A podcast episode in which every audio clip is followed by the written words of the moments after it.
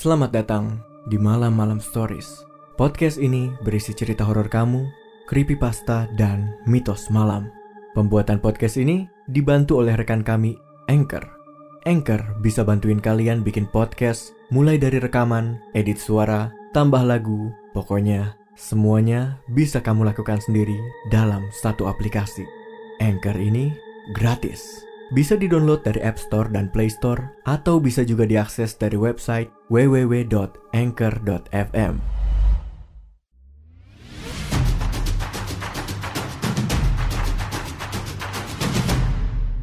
Kini Podcast Network.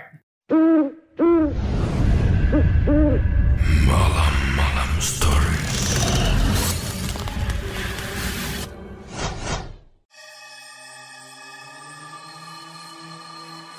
Halo manusia malam, balik lagi bareng gua Mr. E di sini di Misteri Malam-malam.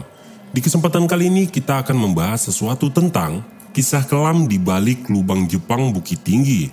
Lubang Jepang adalah salah satu destinasi wisata yang terletak di Provinsi Sumatera Barat, tepatnya di Kompleks Wisata Ngerai Sianok yang berlokasi di Jalan Panorama, Bukit Canggang, Kayu Ramang, Kota Bukit Tinggi, Sumatera Barat. Dikutip dari kompas.com, lubang Jepang ini merupakan sebuah terowongan perlindungan yang dibuat oleh tentara pendudukan Jepang pada tahun 1942.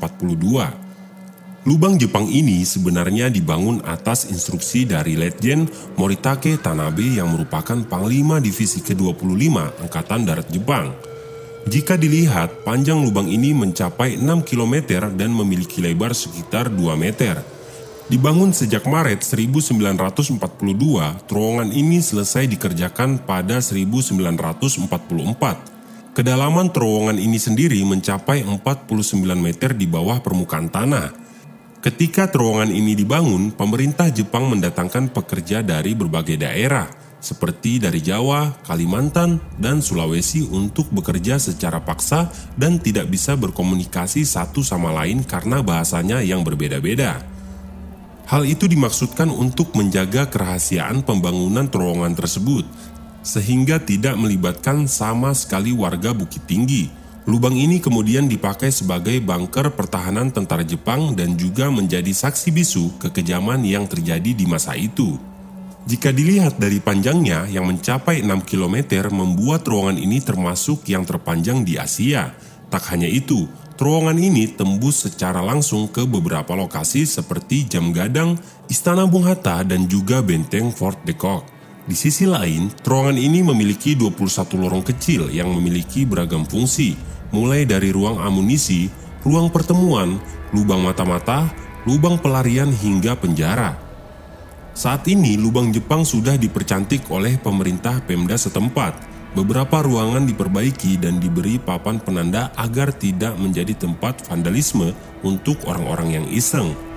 Salah satu orang yang bekerja di sana menceritakan jika dulunya penjara berbentuk L dan masih ada rotan sebagai pembatas. Mereka yang menjadi tahanan sama sekali tidak diberikan makan ataupun minum. Setelahnya ada dapur kecil dan dua lubang yang dianggap sebagai tempat paling menakutkan. Lubang yang di atas digunakan sebagai tempat pengintaian, sedangkan lubang yang di bawah untuk membuang jenazah yang sudah dimutilasi sebelumnya. Selain itu, di bawahnya langsung terhubung dengan derasnya aliran sungai untuk menghanyutkan jenazah. Entah berapa banyak orang yang gugur di tempat tersebut dan menjadi misteri sampai sekarang. Pada akhirnya, lubang Jepang tetap menjadi saksi sejarah pendudukan Jepang di masa itu – Walaupun begitu, lubang Jepang tetap menjadi sarana edukasi sejarah untuk para generasi muda.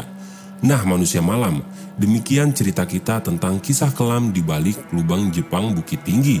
Gua Mr. I, undur diri. Punya pengalaman horor? Kirim cerita kamu ke www.malamalam.com. Punya keinginan bikin podcast? Langsung download Anchor dari App Store dan Play Store atau bisa juga diakses dari website www.anchor.fm. Anchor bisa untuk edit dan upload podcast kamu. Dan yang penting, Anchor ini gratis. Malam-malam story.